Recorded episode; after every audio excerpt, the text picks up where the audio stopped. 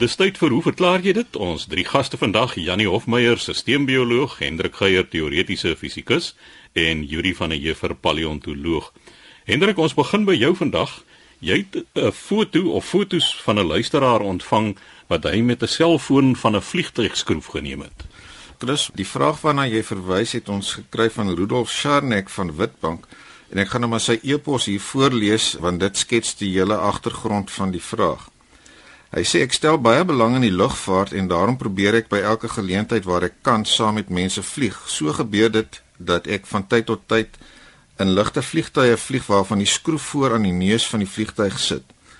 Iets wat ek nou opgelet het en waarvoor ek nog nie 'n verklaring kon vind nie, is dat die skroef so vinnig draai dat 'n mens nie die lemme met die oog kan sien wanneer die engine aangeskakel is nie, maar tog wanneer ek met my foon 'n foto deur die voorste venster wil neem, sien ek op die skerm van die foon en ook op die foto self dat die lemme wel aan die draai is.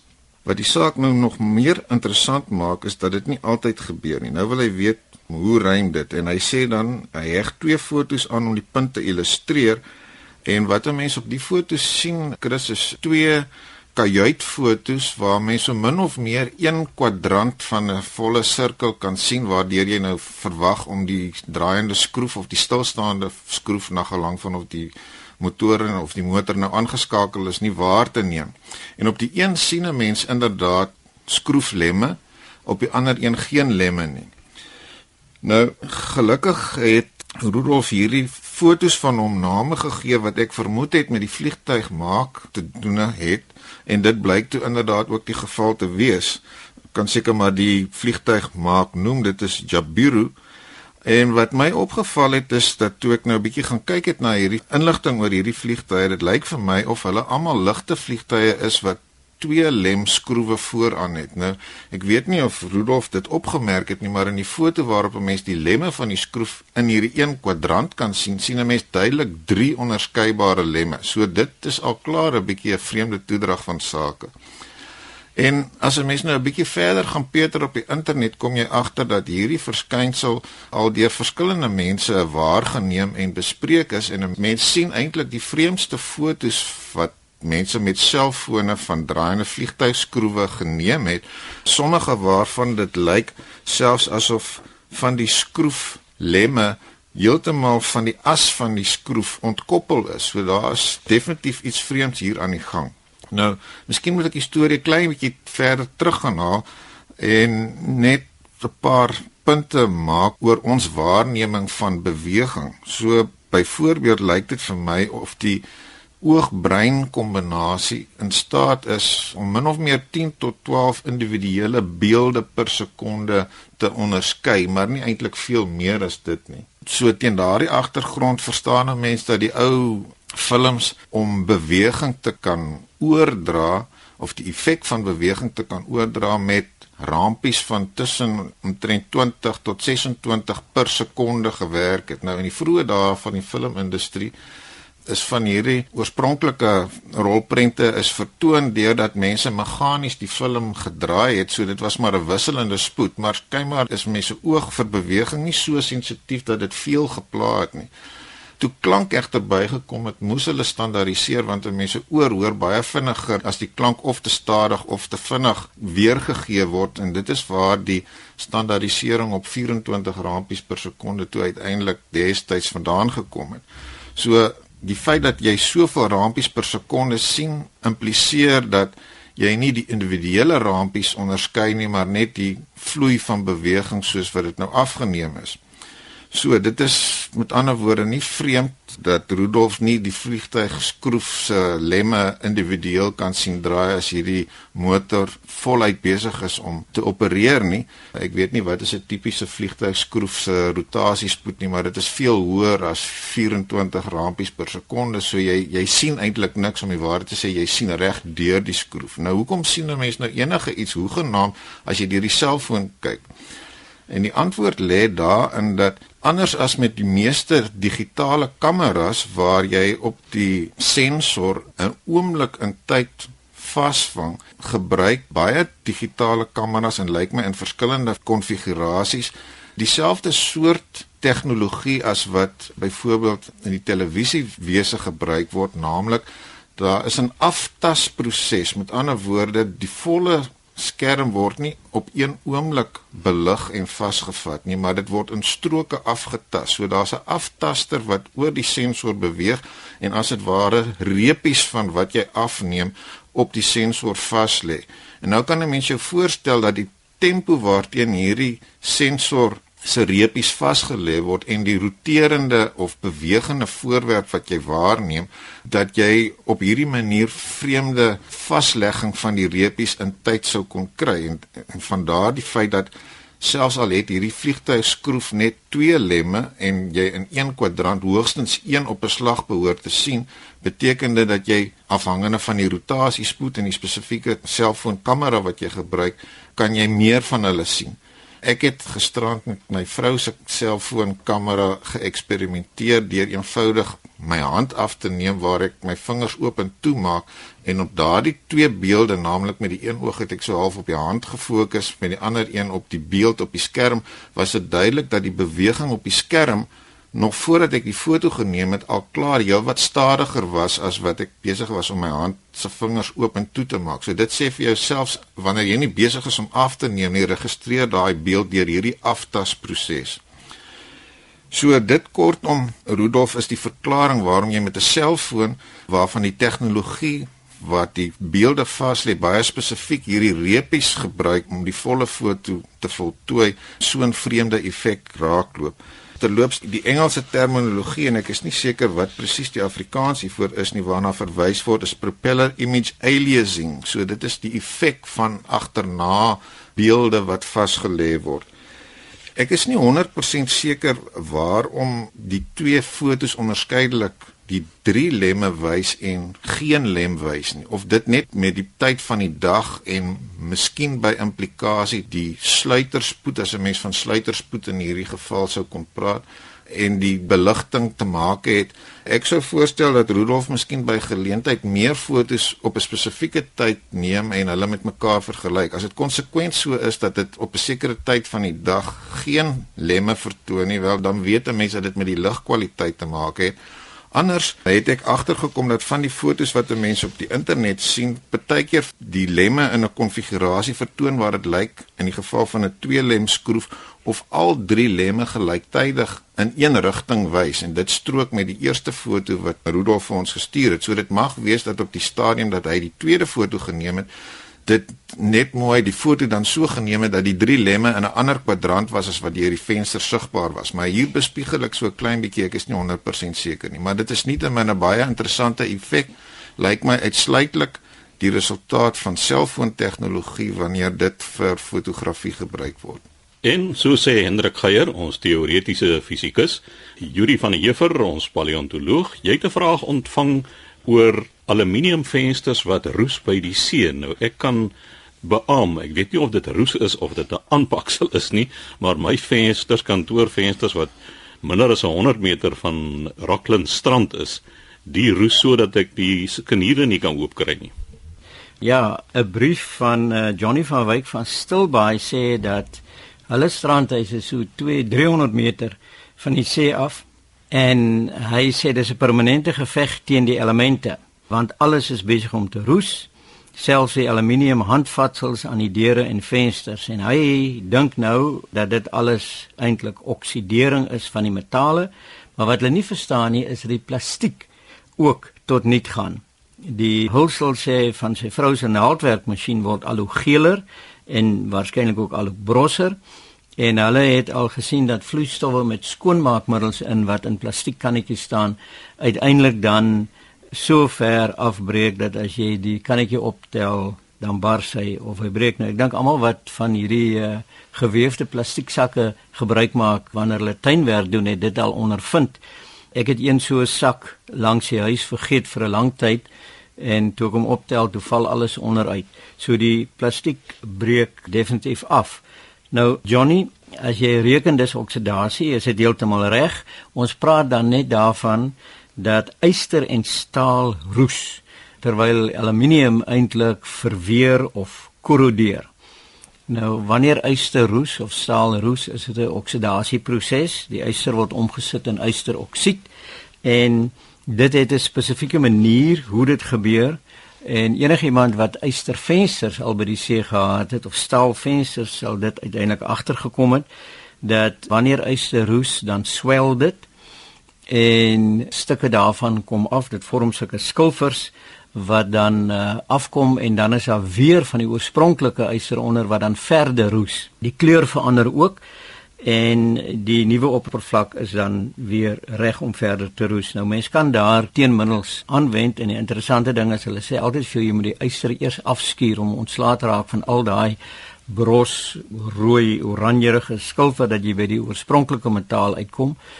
En ek dink ek is reg as ek sê dat wanneer jy die middels opsit dan word daai metaal swart, so dit vorm 'n verbinding met die yster dink ek wat ystersulfaat vorm wat dan onaktief is, maar dit moet nou geverf word.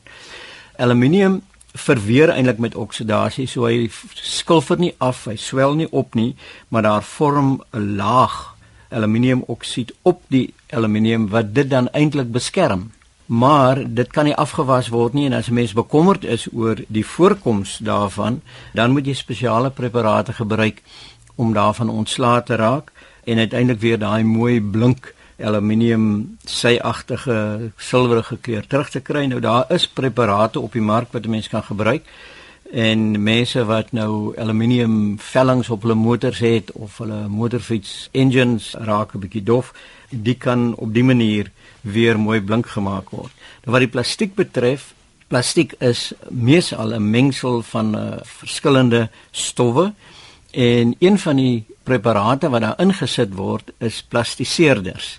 Nou dit hou die plastiek buigbaar, maar plastiseerders onttrek uit die plastiek dit verdamp uit die plastiek uit op 'n geleidelike basis en uiteindelik word die plastiek dan weer bros.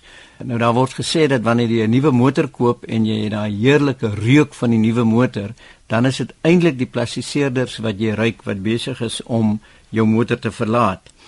En plastiseerders is gewoonlik esters, byvoorbeeld meeste natuurlike vette en olies is esters van gliserol. Ek sien Janik net sy kop, so ek is nog min of meer op die regte pad hierso. En ehm um, mense kry sommige esters wat voorkom in essensiële olies en feromone as geure. Ons ken feromone, dis daai 'n aardige geurmiddels wat kom ons sê maar wildsbokke allerhande goed laat doen in die paartyd en so aan. En daar word 'n uh, nitraatesters gebruik in plofstof en dan word daar polyesters gebruik in plastiek. Ons is almal bekend met die term van polyesters Nou hierdie goed word geaffekteer deur 'n verskeidenheid van goed. Die plastiseerders kom vry uit die plastiek uit. Dit maak dit dan bros, daar kan 'n kleurverandering plaasvind. Ultravioletstrale breek die samestelling van die plastiek af wat dit ook bros maak, dit laat verkleur en besoedeling is ook nie goed vir plastiek nie en snaaks genoeg osoon is ook iets wat uh, plastiek op die lang duur aanval. Dis 'n uh, eh, Johnny die verandering wat jy in die huls van jou vrou se naaimasjien gesien het toon dat die naaimasjien miskien nou al 'n bietjie ouerig is en dat wanneer moedersdag of verjaardag aankom sal dit miskien 'n goeie ding wees om vir jou vrou 'n nuwe naaimasjien te koop.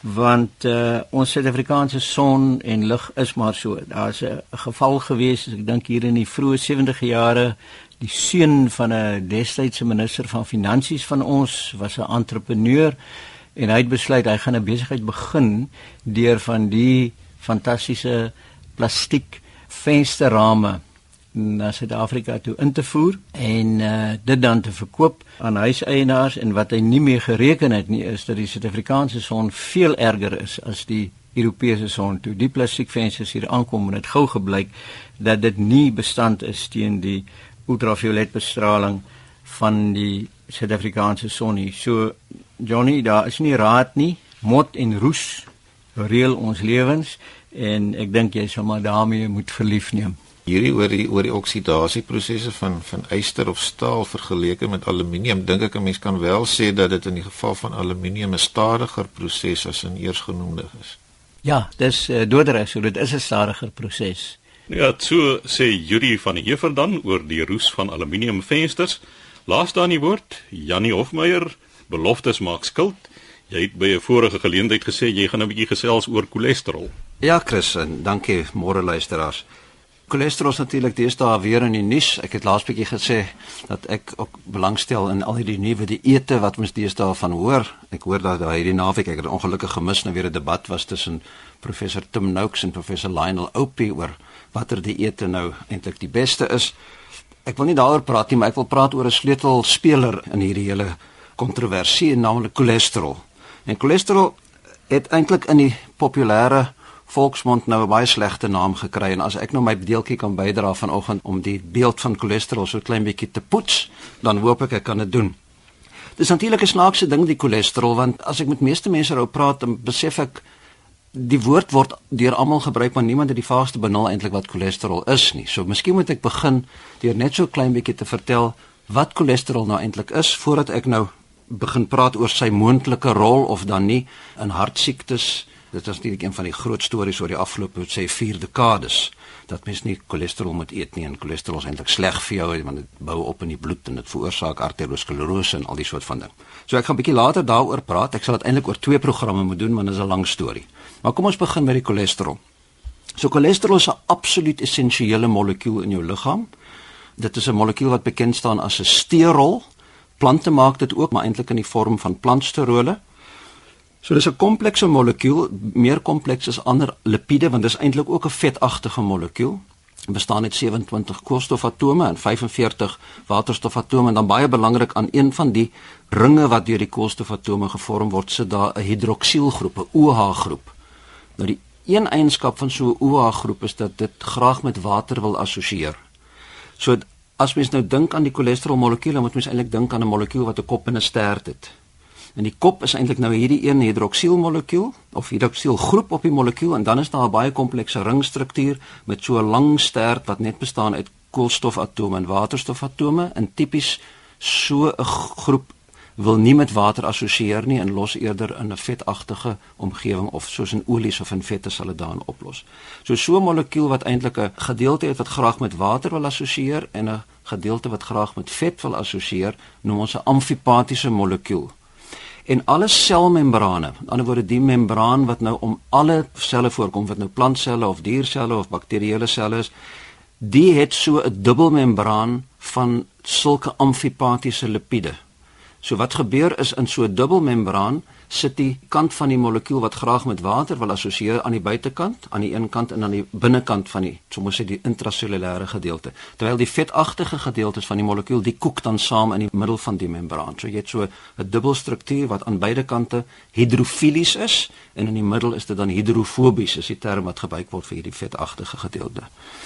So Cholesterol is so 'n molekuul en alle membrane, selmembrane bevat cholesterol. Sonder die cholesterol is die membraanstruktuur nie korrek nie en soms waarskynlik as ek al die cholesterol uit my uithaal dan as ek dood. So cholesterol is totaal al essensieel in die eerste plek vir die strukturele vorm van selmembrane.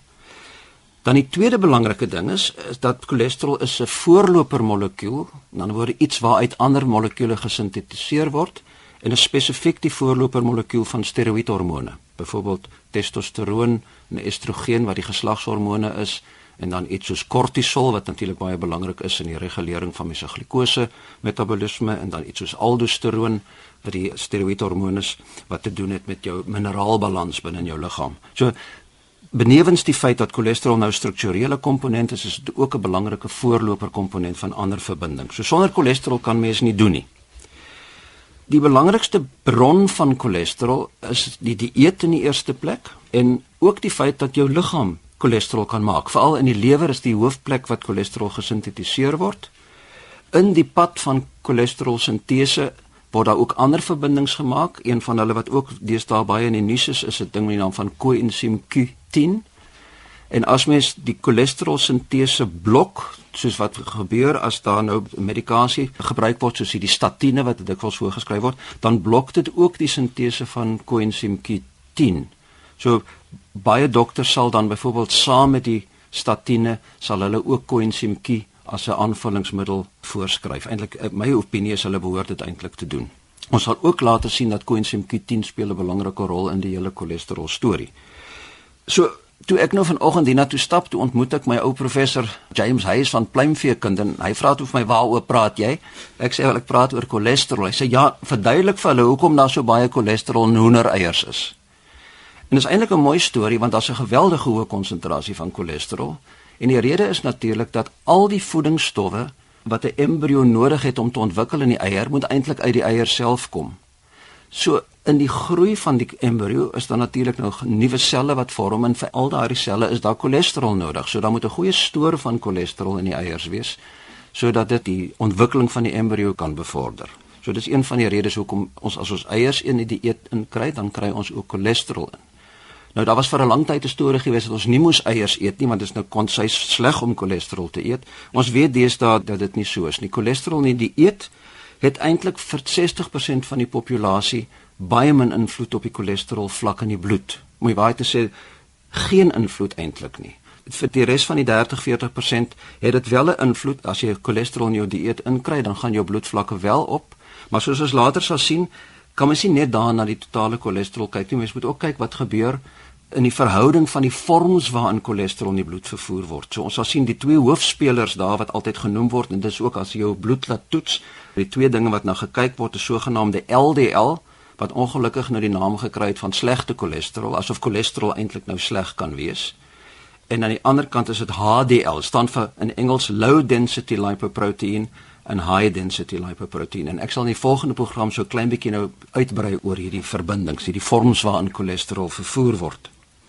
So wat wel is as jy nou vir die 30-40% van mense wat die totale cholesterol wel verhoog as mens dit in die dieet inkry, sien mens tog dat die verhouding en dis die verhouding tussen LDL en HDL wat belangrik is, die bly redelik konstant. En 'n groot voordeel van cholesterol veral uit eiers uit, as mens nou 2-3 eiers 'n dag eet, dan vind ons dat die vorm van LDL, en LDL is nou die die vark in die verhaal op die ouens sal ons sien, maar nie die cholesterol nie LDL nie, dit is iets anders omtrent die LDL wat eintlik die gevaarlike ding is.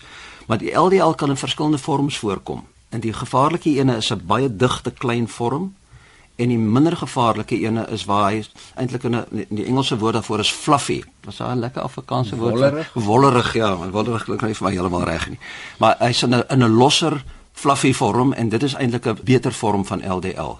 So as mens jou cholesterol in die dieet inkry, dan vind ons dat die LDL ook in daai sogenaamde patroon A dink ek word genoem, die patroon van die LDL. So moenie bang wees vir cholesterol in die dieet nie. Vir meeste mense maak dit nie veel saak nie. Dit gaan egter wel hoe cholesterol in die bloed vervoer word en wat daarmee gebeur. So, wat ek nog in hierdie program graag dan wil doen is net te praat oor die populêre konsepsie van cholesterol se rol in die hart en hartsiekte en wat op die oomblik deur baie medisy dan as die werklike storie beskou word.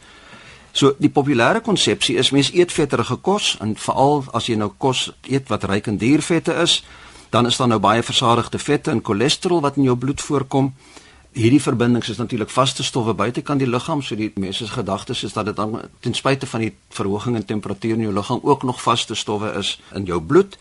Dit gaan dan hierso na die slagare toe, dit pak dan daar in die slagare aan, vorm so wit klont en dit belemmer die bloedvloei, blokkeer die aar en dit kan lei tot 'n hartaanval. Dis soort van die populêre konsepsie, net die vette en die cholesterol pak in jou are aan. Nou, daar is geen wetenskaplike, mediese wetenskaplike of ander wetenskaplike wat hierdie storie ondersteun nie. Dis natuurlik totale nonsens. Dis nie wat gebeur nie. Niks pak binne in jou are aan nie. Wat gebeur is dat as jy en dit is wat bekend staan as die lipid hipotese wat al uit die 1970s uitkom, as jou bloedcholesterol vlakke verhoog, dan dring die cholesterol deur die arteriële wand van die aar en sit daar binne vas. En dan kom daar wit bloedselle, immunokompetente witbloedselle beweeg deur die endoteel van die slagaar, met ander woorde gaan agter die wand van die slagaar in, neem die cholesterol op en dan is daar nou 'n akkumulasie van hierdie cholesterolryke witbloedselle. En dit veroorsaak dan lokale beserings en inflammasie. Dit lei tot seldood, kalsifisering en ontwikkeling van 'n kollageenkapsel wat bokant oor hierdie letsel wat genoem word 'n aterosklerotiese letsel vorm. En as hierdie kapsel dan skeur, hierdie kollageenkapsel, dan stol die bloed daar rondom Dit veroorsaak die blokkering van die are en dit kan lei tot 'n hartaanval. So dit is heeltemal 'n ander storie wat niks te doen het met die aanpak van vette binne in die slagarie, maar het te doen met 'n klont wat in die aar se wand self vorm en dan later dan kan lei tot skeuring en blokkade.